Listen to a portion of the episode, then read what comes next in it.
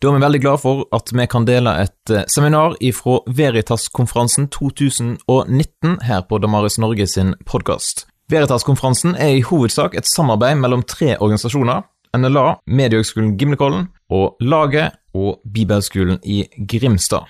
Og Vil du vite mer om Veritas-konferansen, så går du til veritaskonferansen.no. Her kommer dagens seminar. Ja, Velkommen til seminar om hodeklede i Oviedo, Sudaria i Oviedo. Det er nokså nytt for det norske kristenfolk. Ser dere, der står Sudarios der. Alle jødiske mannfolk de hadde et sånt et. Og det er ganske handig, for da jeg var i Jerusalem sist, da var det veldig sterk vind fra øst. Og da tok jeg lommetørkle og dekka nesa. Og så kan det være greit å tørke sveiten og så kanskje pussenese. Så det var en simpel lintøy som de hadde rundt halsen sånn. Og da de fikk tilgang på Jesu døde kropp, da han hang der Det første de måtte gjøre, var å lukke øynene. Punkt to de måtte dekke hodet. Og vi gjør jo det egentlig det samme i dag med trafikkoffer, f.eks. Ja, ok, men da begynner vi. Der ser jeg likelig i Torino, det er liksom avdeling to. Jeg går rundt over hele Norge og forteller om Likle Torino, og så dette. Og så kan det jo være at uh, de støtter hverandre. Det kan jo være. Men uh, det er all grunn til å være skeptisk, for, for ikke sant uh, Skeptikerguide til hodekledet. Sånn. OK. Ja, OK. Da spør vi. Så da Er det sannsynlig at dette kan være tørkle, som det tales om i Johans evangeliet kapittel 20? Er det sannsynlig ut fra historisk forskning? Er det sannsynlig ut fra medisinsk-teknisk forskning? Passer det overhodet sammen med likelig Torino? Hvis det er ekte, Sudarie, hvis det er ekte, så passer det jo sammen med likelig Torino. Hvis det er ekte, og det, stemmer, det bør jo stamme fra samme mann, ellers kan vi jo bare slutte med en gang. ikke sant? Da er det bare tull. Er det tatt til C14-test? I så fall, hva sa den? Passer de to kledene sammen ut fra en teologisk sammenheng? Eller en jødisk begravelsessammenheng? Uh, For jødene har veldig spesielle begravelsesforskrifter. Og jeg kan tro jeg har undersøkt det. Og, og jeg har bare hoppa i stolen to ganger i mitt liv. Og det ene gangen var jeg holdt på med dette. Jeg skal forklare hvorfor. Ok. Hei. Ja, jeg har så vidt begynt. Mm. Um, er det bibelsk, dette? Ja, ikke sant? Peter og Johannes de kommer til grava, og så har de i hodet det som Maria Magdalena hadde sagt, at det er noen som har stjålet den kroppen. vet ikke hvor han er. Kommer de inn, og, og Johannes skriver, han er det beste øyenvitnet. Kom inn. Han så linklærne som lå der, og tørkleet som Jesus hadde hatt over hodet. Det lå ikke sammen med linklærne, men sammenrullet på et sted for seg selv. Og Så kommer Johannes inn, og så forteller han sjøl. Han så linklærne som lå der, og trodde. Hva trodde han? Ja, Det er ikke noe objekt. Hva trodde du, Johannes? Han sier neste setning Fram til da hadde de ikke forstått det Skriften sier, at han måtte stå opp fra de døde. Han har ikke sett det i Markus. Jesus sier at vi går opp til Jerusalem. Han skulle lide og dø osv. Men de skjønte ingenting av det han sa. Men her forteller Johannes at plutselig så går det ned opp foran for et lyn. Fram til da hadde de ikke forstått det Skriften sier, at han måtte stå opp fra de døde. Så Johannes sier jo at han trodde at Jesus hadde stått opp før han så han i levende livet. Han ser det sjøl. Og da er det jo det som han så, at likklærne hadde kollapsa, men knutene var på. De tulla jo rundt, ikke sant? Det var ingen som kunne komme ut av det likklær hvis knutene var på. Det hadde bare kollapsa. Eh, da skal jeg bare vise dere noe. Skal dere se.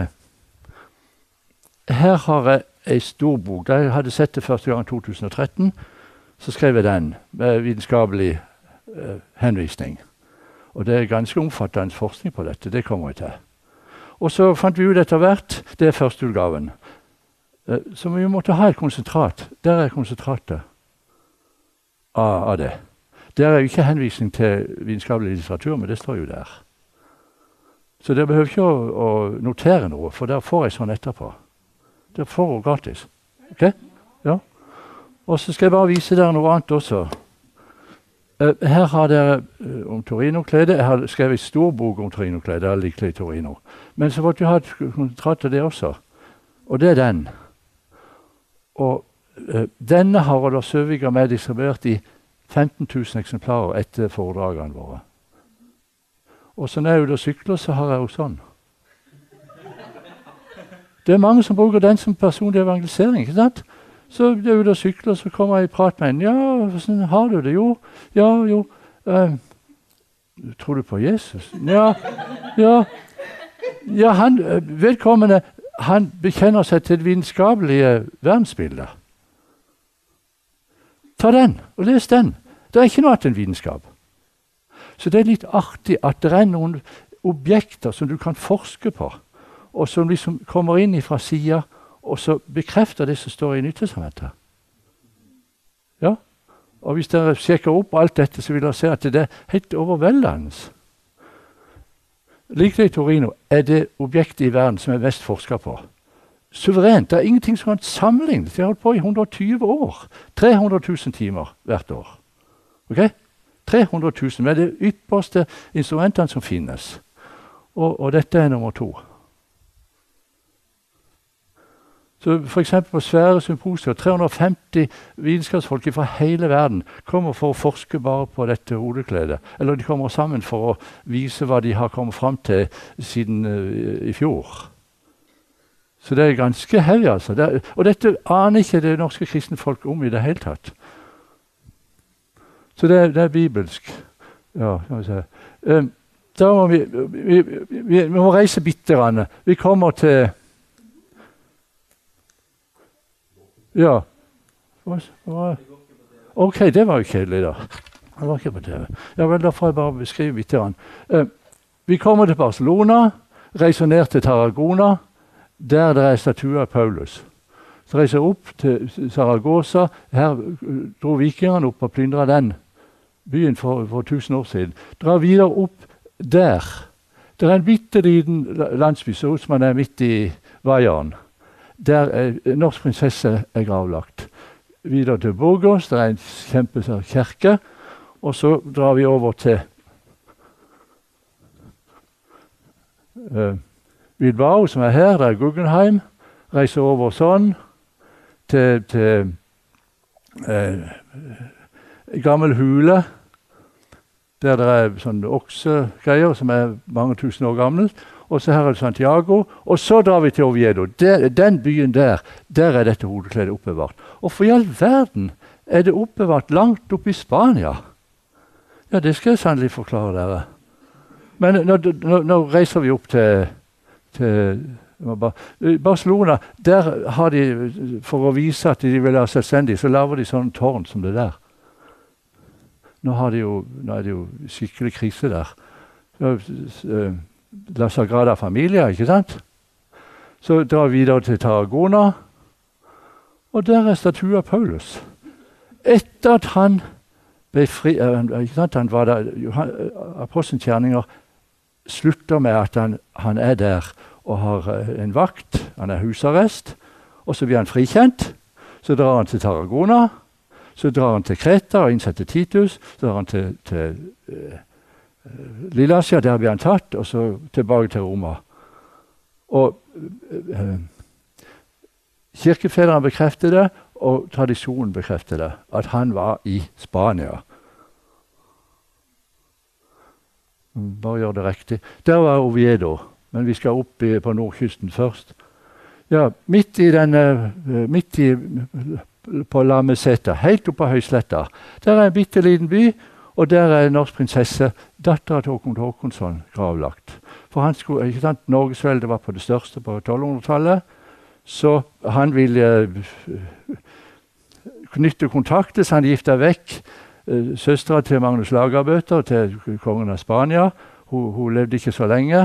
Og for å knytte kontakt med kongen på Sicilia, så, så sendte han opp noen til Grønland Og så fanga han isbjørn, og så ga han til Det var litt av en original gave, men han orka ikke ha den, så han ga den videre til kongen i Egypt. Ja, sånn. Ja, vi leide den bilen, og da Søvik vi med, 145 kroner i, i, i, om dagen på egen bensin. Og noe som var veldig rart De hadde fantastisk flotte veier. EU-midler. Men det var jo ikke en bil. Det var jo som i Norge under oljekrisa. Med fullt, med fullt, med fullt av, av, av, av, vindmøller overalt, men ikke en bil. Og det, De hadde ikke råd til å kjøre der. På de gamle veiene der var det der var det kaos. Men der var det ikke en bil. Ikke på den sida, ikke på den sida. Merkelig. Vi kjørte 250 mil, betalte 500 kroner. Det hadde jeg altså ikke råd til. Det var veldig stor arbeidsledighet. Det var, det var trist, altså. Ja, Så kom vi til Bilbao. I ei kjempesvær rundkjøring. Hva hadde de som dekorasjon eller et eller annet midt i den kjempesvære uh, rundkjøringa? Jesus. Det var 30 meter høy sokkel. Det var veldig spesielt. Det var vanskelig å ta bilde der. Men, og så Guggenheim, det gamle verftet. Bilbao forfalt, og det var liksom ingenting som skjedde. Vi, vi lager et Guggenheim-museum. Titan, ikke sant? Titanplater. Nå kommer det én million folk i året for å se på det. Blant annet Ja, og så er det noen huler i Nord-Spania som er veldig spesielle, der de har sånn 17 000-18 000 år gamle bison også, som de har malt i taket. Og så reiser vi videre. Vi nærmer oss Santiago og, og Kamskjell, ikke sant? Det er eneste plassen jeg har sett at veien forsvinner i horisonten. Det er eneste gang i mitt liv. Så vi måtte jo prøve Caminoen. Og så kom vi til Santiago. Og Det er 300 000 som kommer til Santiago hvert år. De, det tar tre måneder å gå fra Frankrike over sletta. Men eh, Jakob har aldri vært i Spania. Santiago de Compostela, Sankt Jakob på Stjernemarken. Johan, altså, Bror av Johannes heter Jakob. Han, han, ble drept med sverd i år 44. Og det er altså noen av hans disipler som skal ha tatt han ned til kysten, dratt ut hele Middelhavet, gjennom verdens ende, Gibraltarstedet, altså forbi Portugal. Og så drar han eh, den døde kroppen langt opp i busken i Spania, gravlagt han der. Og så var det en som fant dette liket på 800-tallet. Det er bare tull alt sammen. Men velsigne de som går denne løypa. Og så Mange har veldig stort utbytte av det. Jeg hadde en kamerat han skulle gå i tre måneder for å finne ut om han skulle være ateist eller ikke. Men den som går til Santiago, ikke til Oviedo, ærer tjeneren, men ikke Herren. Nå skal vi til Oviedo omsider. Se, se nå her. Fra begynnelsen så gikk de der. For dette var erobra av muslimene. Og det her er det flatt som ei pannekake. Der er det sånn elvedaler som kommer ut. Så du må, du må, gå sånn.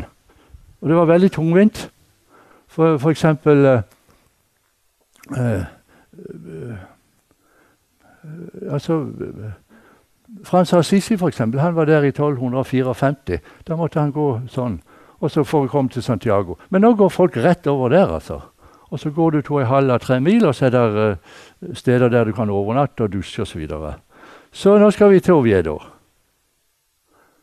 Ser dere at det, muslimene erobra eh, Det er derfor det havner oppe i Spania.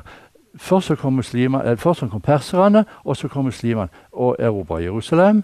Og så flytta de dette hodekledet ned til Alexandria, så, så ble det erobra. Så flytta de det over Nord-Afrika, så erobra de det. Så dro de med hodekledet over Gibraltarstedet, og så kom eh, muslimene etterpå. ikke sant? Og så erobra de hele, hele, Portugal, hele Spania, bortsett fra der. Og der var den kristne uh, spanske hovedstaden, Oviedo. Og så fortsatte de oppover der, halvveis opp til, til Paris. Ble stoppa 732 av Karl Martell.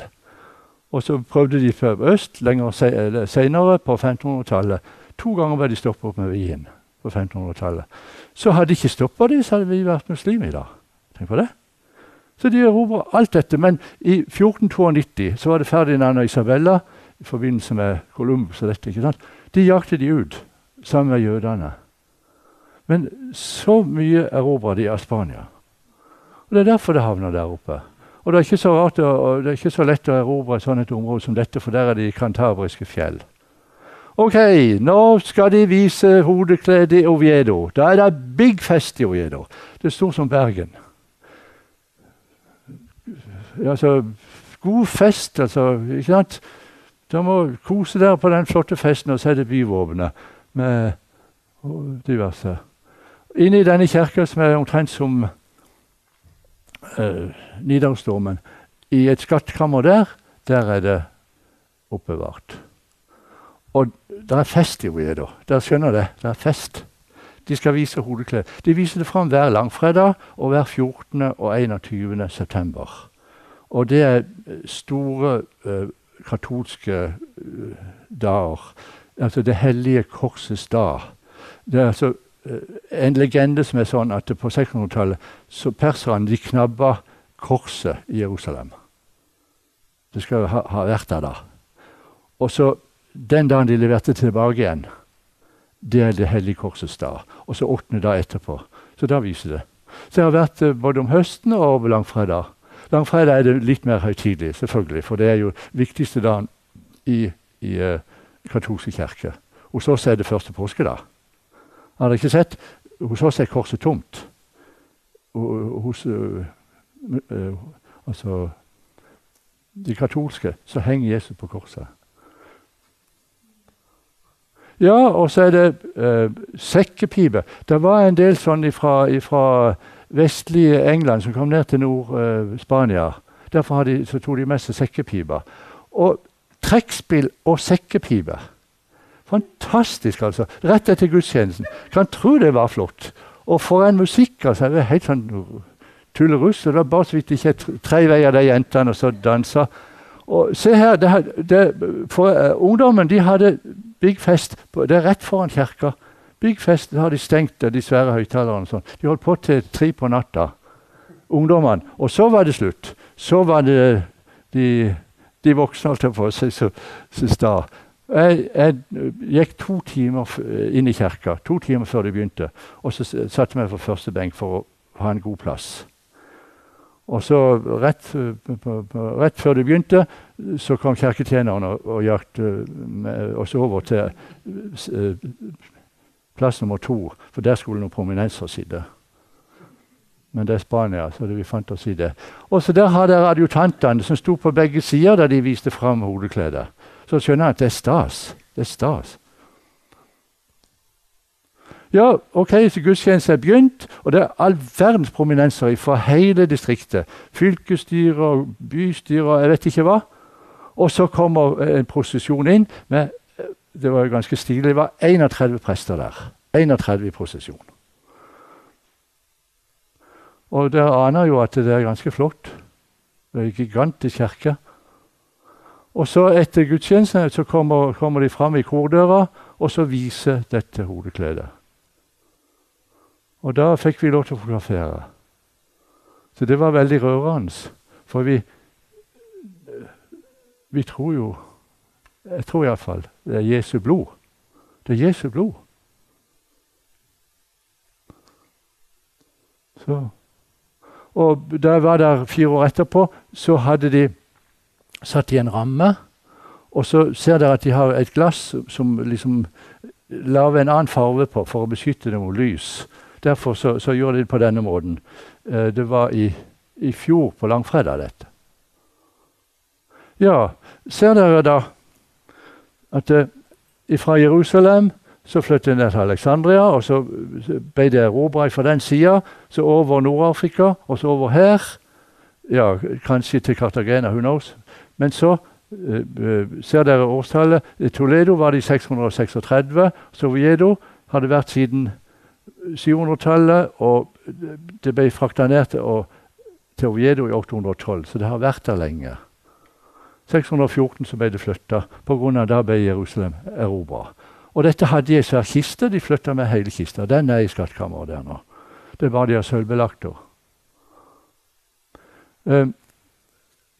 Det var en italiensk pilegrim som var nærme Jordan i år 575. Og så var han her, er et kloster der det var syv nonner. Og så spurte han de, hvorfor er dere her. Hva gjør dere her, de syv nonnene? Jo, de passa det hellige hodekledet til vår Herre Jesus. Og så når det begynte å bli urolig, så flytta de fra dette huleklosteret opp til Jerusalem osv.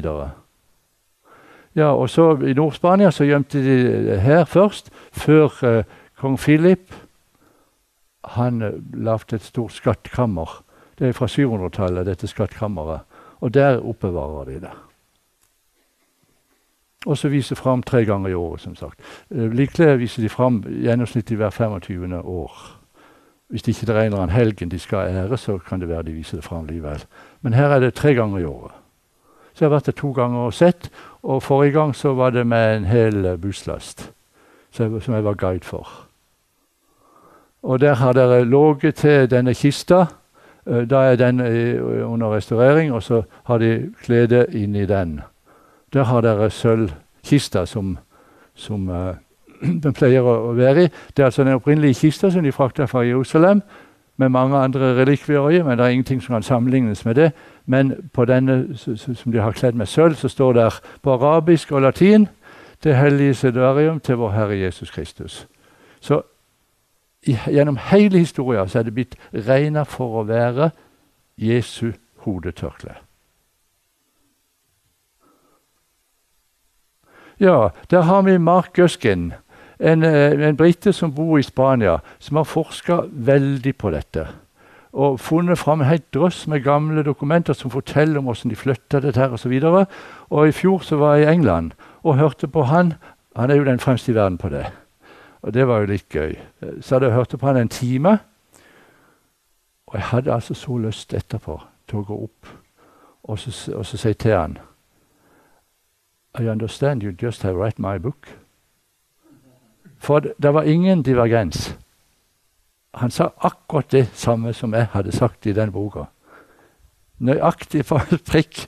Det var jo ganske artig. For jeg hørte på den fremste kapasiteten i hele verden, og så var det ingen divergens i det hele tatt. Og Der har han skrevet historien til Sudario Oviedo, hvordan det kom fra Jerusalem til nordlig Spania på, på 600-tallet osv. Det er masse forskning på dette. Det er masse forskning på dette.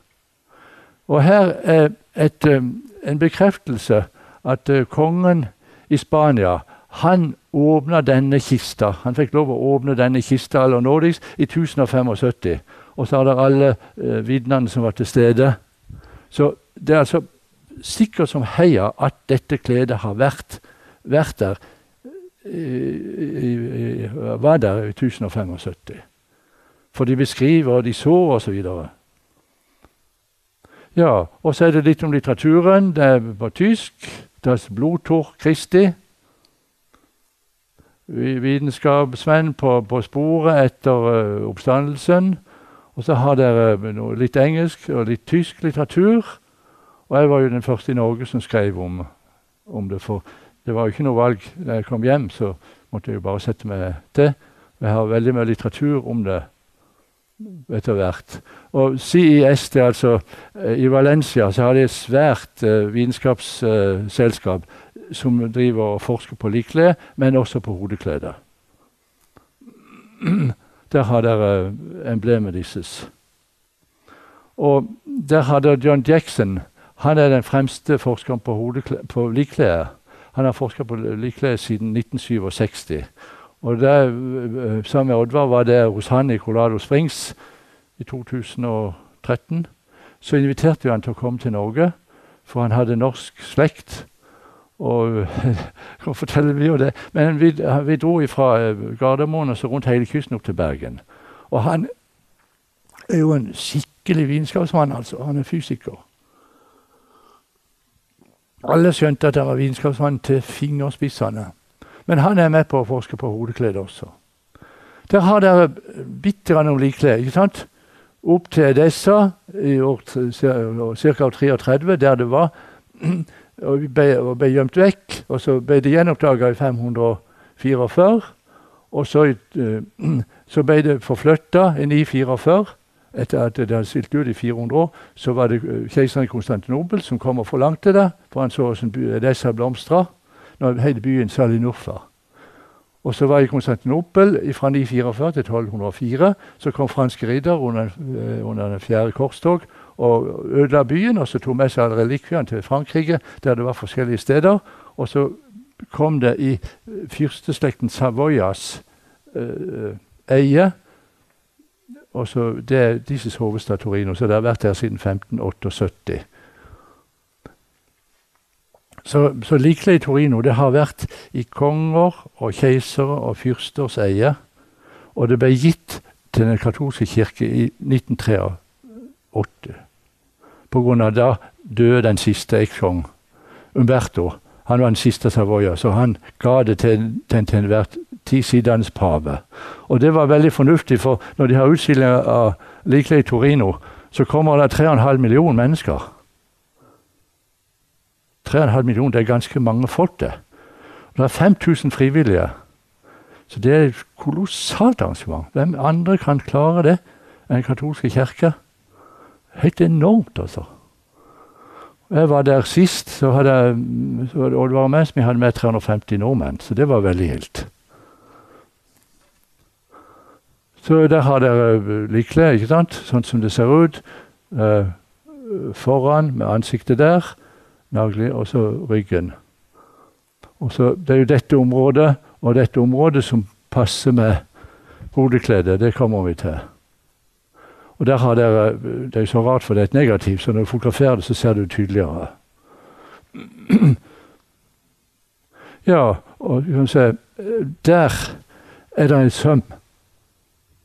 En sånn bred rems som de har sydd på igjen. Og der har dere sømmen. Jeg er eh, fremste spesialist på eh, oldtidas lintøy. Uh, Mathilde Flemborg Lemberg hun sier at det, sånn en søm har hun bare sett én gang. Den er antikk, den sømmen.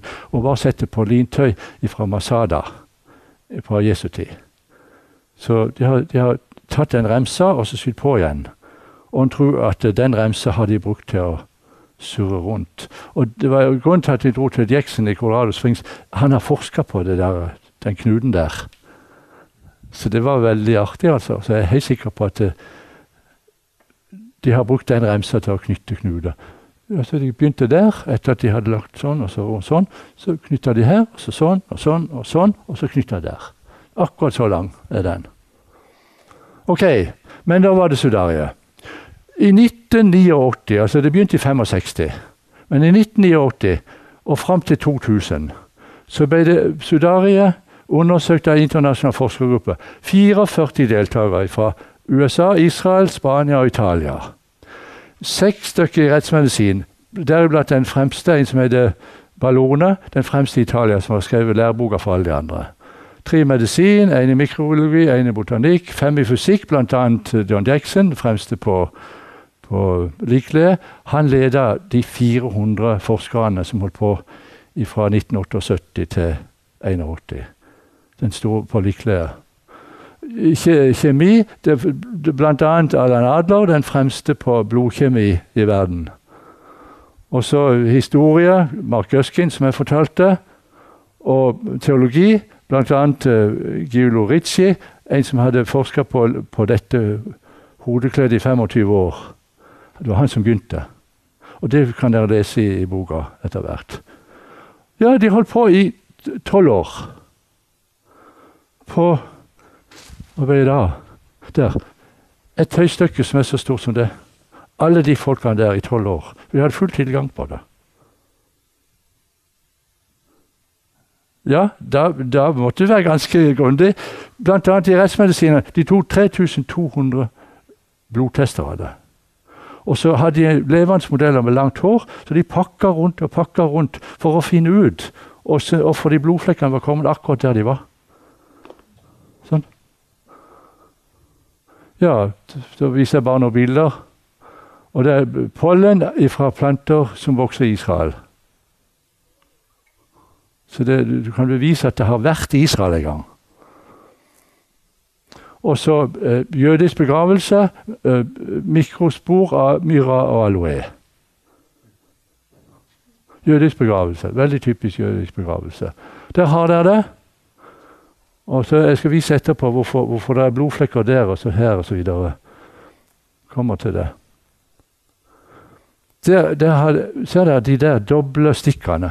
Det er noen som har brukt torner til å sette det fast på hodet. Først da han hang oppe, og så pakka litt sånn eh, provisorisk rundt. Og så brukt sånne lange torner til å sette det fast i skjegget og i håret. For det var jo helt fullt av stivna blod. Så de kunne sette seg fast i håret og i barten og i håret og bak. Med sånne lange torne. Så ut som om Jesus hadde tornekrona på seg når han hang på korset. For det er svære stikk i nakken. Så der har dere merka etter, etter tornene.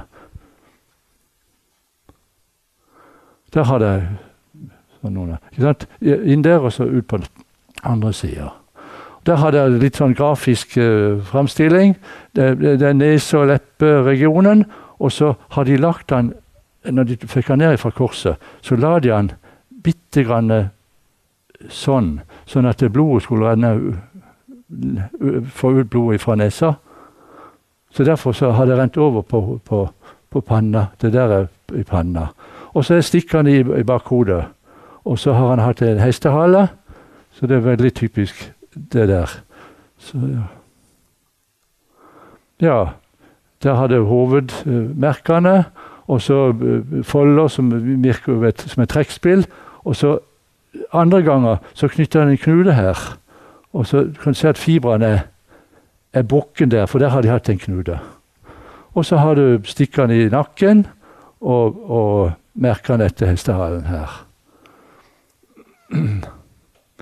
Han er igjen. Ja, hva skal vi se Sånn. Så har de drevet og pakka først én gang, og så en gang til. Og så ser dere hvordan de pakker andre ganger. Med en knute. Og så har de båret den til grava. Og bak her så er det uh, fingeravtrykk etter en som har båret i bakkhodet sånn. Når du skal bære et lik, så, bærer så ber du i skuldrene eller i hendene. Men her var han så stiv at de kunne bære i nakken. For en som har strevd veldig, og så dø. Han blir veldig fort si som en stokk. Derfor så kunne de ikke lukke øynene. De klarte ikke det. Så la de mynter der for å lukke øynene. Og så skal dere høre noe som er veldig rørende. Kom opp litt, skal jeg demonstrere på det. Se her. Var, de, de, de, måtte samle opp blod. Altså punkt én lukke øynene. Punkt to dekke hodet. Punkt tre samle opp blod. Og så er det eh, en person som har gjort sånn for å stoppe blødninga. Og så er det fingeravtrykk på den sida av noen små fingre. Det er kvinne. Det er veldig rørende. Hvem, hvem er det? Maria eller Maria Magdalena. Jeg kan ikke tenke meg at det kunne være noen andre. Og så, så når de kom til grava, så nappa de jo av. Og så, så Grunnen til at jeg hoppa i stolen, det var når jeg undersøkte jødiske forskrifter for begravelse. Så står der de skal samle opp blod. Og så den filla som det er blod på, skal legges separat i grava. Det lå sammenrullet på et sted for seg selv. Den var ganske artig. Da hoppa jeg i stolen. For da fant jeg ut så det, det, er altså så mange tolkninger. Det er ikke så lenge siden det er en svær artikkel i Luthers kirketiden og i Dagen. Jeg undersøkte 45 svære teologiske uh, bøker. Den ene har 1600 sider. Det var ikke én som skjønte noe av det der. Det var en som skrev for eksempel, selv en veldig flott uh, kommentar til Johansevangeliet. Etter at Jesus hadde satt opp, så tok han hodekledet og så folda fint i sammen og så la på sida sånn. Står der. Alvorlig talt. Det går jo godt an å sette seg litt inn i jødisk begravelsesskikk. Det tørkleet som de hadde samla opp blod med, det skal legges separat i grava. Så det, det, det, det, var jo, er jo gravleggeren som har lagt det der For de tok det av, og så la de han i linkledet. Ikke sant? Derfor er det avtrykk på linkledet, men ikke avtrykk på det. Men det er blodflekker som er identiske med denne delen av likkledet. Ikke sant? Ser dere, når Jesus hang på korset, så skulle de dekke det hodet. Så henger han sånn. Så derfor så begynner de her, og så legger rundt. Så kommer de til øret. Så klarer de ikke å komme forbi, og så må de folde tilbake igjen. Det er derfor det er speilvendt på hverandre. Når de får han ned, så er det her. Sånn, og så dertil, og så tilbake igjen. Når de får han ned, så kan de ta den armen og så brekke ned sånn. For uh, han var ikke sant, ligge sånn, og så binde.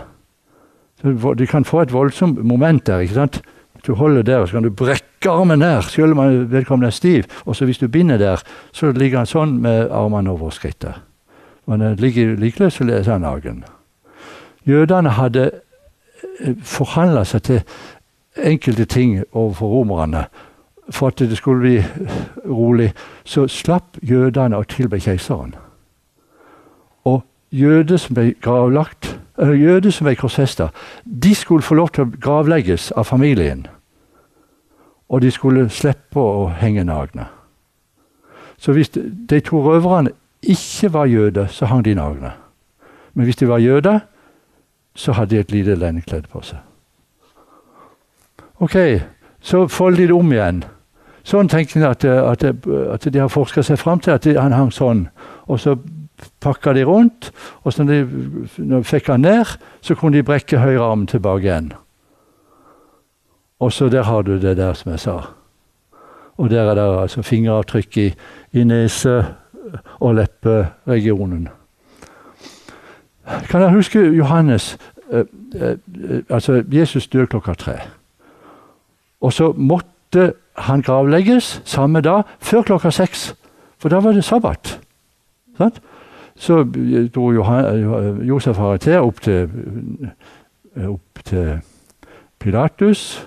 Det er ikke sikkert han fikk uh, audiens med en gang om han kunne få, få Jesu legeme. Er han død alt, sier Pilatus. Så sender han offiseren for, for de, til de fire ned for å undersøke om han er død. Kommer tilbake, ja, han er død. Ok, så går uh, Josef og så henter, kjøper et likklede. Og da er det sikkert gått halvannen time. Da har de bare halvannen tid. Da har de hast. hast. Så Jesus ble jo provisorisk gravlagt. De, de, hadde det så travelt.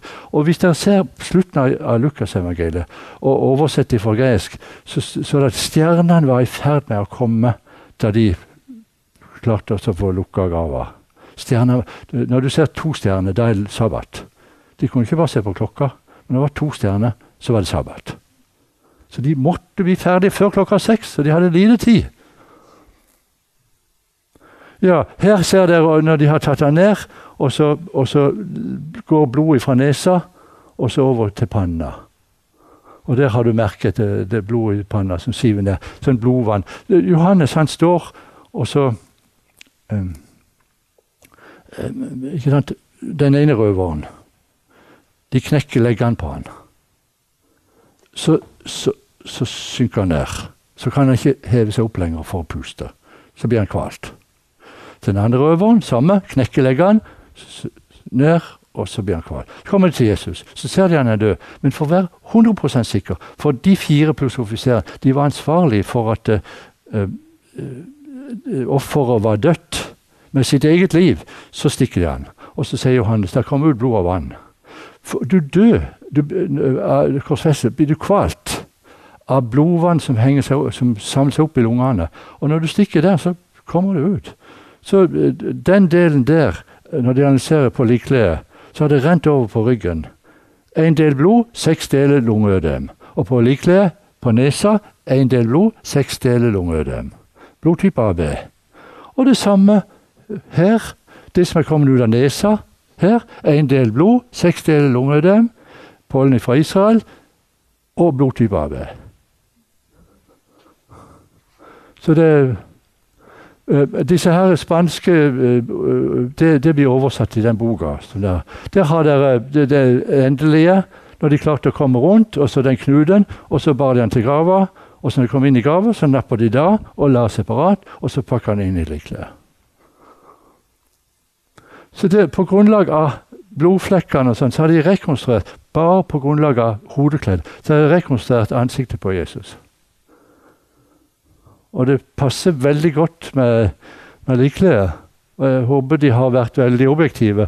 Bare på grunnlag av, av har de rekonstruert ansiktet sånn. Ja, OK. Likheter mellom Sudari og, lik. Både mann i Sudari og likklær i Torino har hatt langt hår, skjegg og mustasje. Begge hadde hår bundet opp i en hestehall på jødisk vis. Og jeg vet ikke om at grekerne og romerne hadde kort hår. Eh, Paulus skriver til korinterne Vet dere ikke at det, det er skam for en mann å ha langt hår? Det var skam for en greker å ha langt hår, men sjøl hadde han langt hår. For ikke sant, Jødene hadde langt hår. Det står i Tredje Mosebok. Og så hadde de ikke lov å kutte håret her, derfor hadde jødene lange sånn krøller her. Har du sett det? Jesus, ja, altså, på likelig så, så, har mannen jødisk ortodoks hårfasong med krøller her. Uh, begge ble rett for de døde, og begge har sår i nakkegropen forårsaket skarpe objekter. Begge døde i oppreist stilling med armene utstrakt og har vært i stand til å holde kroppen oppe ved hjelp av føttene. Korsett forbudt av keiser Konstantin i 315. Så det er noe som har skjedd før 315. ikke sant? Begge har pådratt seg skader som resulterte i stor utflod av vond og nese av lungeødemvæske. Begge, deler, begge steder én del blod, seks deler lungeødem. Og ser dere, Der har blod stått i en time så, så skiller det seg i blodlegeme og serum. Det blodet har bare stått en time. Det til høyre der. Ja, Ifølge eksperter på lintøy kan både Sudari og likelig godt være 2000 år gamle. Begge har jødiske målstørrelser. 8 ganger 2 kubit, kubit, det er altså omtrent sånn. Og 1,5 ganger 1 kubit. Begge gleders historie kan følges tilbake til Israel. Begge har pollen av hvileplanter fra Israel, noen veldig særpregede. Begge kleder har spor fra jødisk gravsikt, og aloe. Begge har blodflekker med den sjeldne blodtypen AB, som er vanlig i Midtøsten. Vi har 3% Det er altså 3 av norske befolkning har AB. 18 av jødene. Blodflekker på framsida av de to klærne har 70 overensstemmende likhetspunkter, og 50 her. Mannens skjegg på begge er helt identisk. Perfectly match. Nesen er nøyaktig like lang på begge klær. 8,0 cm. For her vil dere se hvordan liksom det passer over. Har det li, likklær, og så ser du blodflekkene på hodekledet. Blodflekkene på hodekledet, hvordan det matcher. Og der har du stikkene. Det var litt annen farge av stikkene i, i, nakken. Det var 50 over stemmen hans. Men det er sommerfuglflekken ifra, uh, ifra hestehalen. Blodflekkene de to kledene er komplementære. De utfyller hverandre på den måten de har vært brukt for. De bekrefter hverandre vitenskapelig. De representerer to stadier av samme prosess, begravelse av en torturert jøde. Konklusjon. Disse kledene var i kontakt med samme sårede kroppen, sier Allen Adler. Den fremste på blodkjemi. Ja. De to kledene dekker det samme ansiktet. Vanger, han er spesialist på tydning av røntgenbilder, ledende på fotografisk overlagningsteknikk. Sudari og Viedo har dekket det samme ansiktet så det er avtrykk på likklær, er konklusjonen på de 44 som jobber i tolv år. Sudari og Viedo har dekket det samme ansiktet som det er avtrykk av på likklær i Torino. Det er konklusjonen på de 44 som holdt på i tolv år. Alle studier som har vært gjort på Sudari fra 1985 til dags dato, viser at det dekker ansiktet på det samme korsfestede offeret som Torino. Så det er sånn. Så jeg sa til Oddvar etter at jeg hadde skrevet den, her, den boka der Ja, du kan fortelle om likklær, men når vi har om hodeklær, så er det sikkert som heia, for det dekker årene akkurat sånn. Likklær står for seg sjøl. Hodekledet står for seg sjøl. Men sammen så er det jo enda større bekreftelse. Og Hodekledet bekrefter likklær, og likklær bekrefter at Jesus har stått opp fra de døde. Og det skal jeg slutte med, da. Johannes han trodde fordi at han så det hadde kollapsa, og det som jeg fortalte. Hvis jeg hadde hatt et sår der, og så det hadde blødd så mye at det trukket gjennom skjorta, og så hadde jeg hatt den skjorta på meg i tre døgn Hvis jeg skulle hatt av den skjorta, da, så måtte jeg dratt sånn. Og så hadde jeg tatt med meg en masse hår, og blodflekkene hadde blitt ødelagt. Og mannen i likklede, han har ligget med hele tyngda si for fullt av blod. Det er over 400 blodflekker på likklede Torino. Men åssen uh, har vedkommende som har ligget i likklede Torino, åssen har han kommet ut av det? Han har vært inne, helt inneklistra. Helt inneklistra. Du måtte dra det av som et plaster, ikke sant? Og du har ødelagt blodflekkene. Men hør nå, det er det stort mysterium for de som driver og mikroskoperer på blodflekkene på Liclay Torino.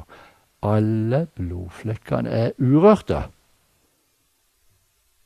Han er bare forsvunnet rett ut av det. Skjønner dere? Det bekrefter, det bekrefter at det er sant. Åssen har denne mannen kommet ut av det likkledet? Han er forsvunnet. Eller så måtte du dra det av, så ødelagt alle blodflekkene. Og så skal du høre det, Alle de 400 de holdt på 150 000 timer å forske på likkledet i fire år. Og så var det en eh, under pressekonferansen i 1981 var det en som spurte fant dere ut noe i løpet av de fire årene av alle dere 400, fant dere ut noe som ikke stemte med det som evangelistene forteller om Jesu lidelse og død? Ingenting. Ateister, agnostikere, jøder, mormonere, kristne av forskjellige slag, de var med på dette. Ingen fant noe som ikke passa med det som evangelistene forteller om Jesu lidelse og død. Evangelistene har visst gjort en god jobb. Hæ? Ok. Men da eh, stopper og så skal dere se det Her har jeg en replika. Nå må du komme opp igjen. Og så skal dere se en replika. Altså akkurat sånn. Nå må du, vi må snu oss. Sånn. Ja. Der hadde han en replika av, av Liklei Torino. Vi må, se, vi må ha det den veien. Sånn. sånn. Der, der, er det en C14-datering. C14-datering er altså 660 til 890. Og det fnyste de bare av da de fikk ei på det på det svære, uh, svære symposiet. For dette det er så skittent som bare juling. Og AMS eh, C14, da er du veldig avhengig av at det er helt rent. Og så skal dere høre blindprøven. De hadde én blindprøve. Det var fra et, et, et, eh, et sånn mumielikle fra 1100-tallet før Kristus. Det var blindprøven. Og fant de på den? Det var Beta Analytic i Miami. Denne fikk de altså Du kan følge den tilbake til 575. En veldig god historie tilbake til 575. Her var det altså, Dette skulle være fra, fra et eller annet gang mellom 660 og 890. Ja vel, men blindprøven De bomma med 3000 år! De fikk mellom, mellom 1660 og 1960 fant de på blindprøven. Og det var jo fra 1100-tallet før Kristus. De bomma med 3000 år. Så de, folk bare fnyser den C14-dateringa. Så det, det var fullstendig miss, akkurat som med likklær. Ok, da må jeg bare vise dere litt til. Uh, skal vi se. Der har dere som sagt den store om uh, hodekledet. Og så får dere ei sånn ei hver. Og så skal jeg bare vise dere noe få til. Uh, der, der var et konsentrat av den store. Om, og så har jeg skrevet om C14-dateringen på likklede. Og det er henvisning til vitenskapelig litteratur. Det var jo fullstendig fiasko. Men det, ateistene fikk det hårstrået som de trengte. Det er ingen, altså, det er ingen forskere som, som, bryr seg om det i dag, som er seriøse. I fall, eh, jeg har 250 bøker på tolv språk. 97 godtar likeledes som ekte. Men hvem er det som ikke godtar det som ekte? Jo, det er vitenskapsjournalister uh, som har funnet ut at kirk, uh, sånne konspirasjonsteorier pluss Ja, det selger godt. Så hvis du ser hva de ellers har skrevet Jo, de har skrevet om avskyelig snømann, uh, uh, sjøormen i Loch Ness. Og så har de skrevet at uh, Jesus han dør ikke på korset. Det er ingen som overlever i romersk korsfestelse. Jesus overlevde korset, og så gifta seg med Maria Magdalena og flyttet til Frankrike. Eller han ble buddhistmunk i, i Nepal. Sånn skriver de. Så det, det er jo ikke seriøse. Der har dere en engelsk oversettelse av den, den der. Og Den er oversatt til islandsk, den kommer nå, og så er oversatt til dansk. Og så skal dere høre Da, da De gjenfant likeleid i Torino i 544 i Edessa. Det var gjemt vekk. Fram til da så så fremstilte de romerske kristne Jødene hadde bilforbud. Jødiske kristne regnet seg òg som at de hadde bilforbud. Så fremstilte Jesus som en ung mann sånn 15, mellom 15 og 18 år som Apollo. Nå har jeg reist i 25 år og vært i all verdens katakomber og kirker gjennom hele middelhavsområdet.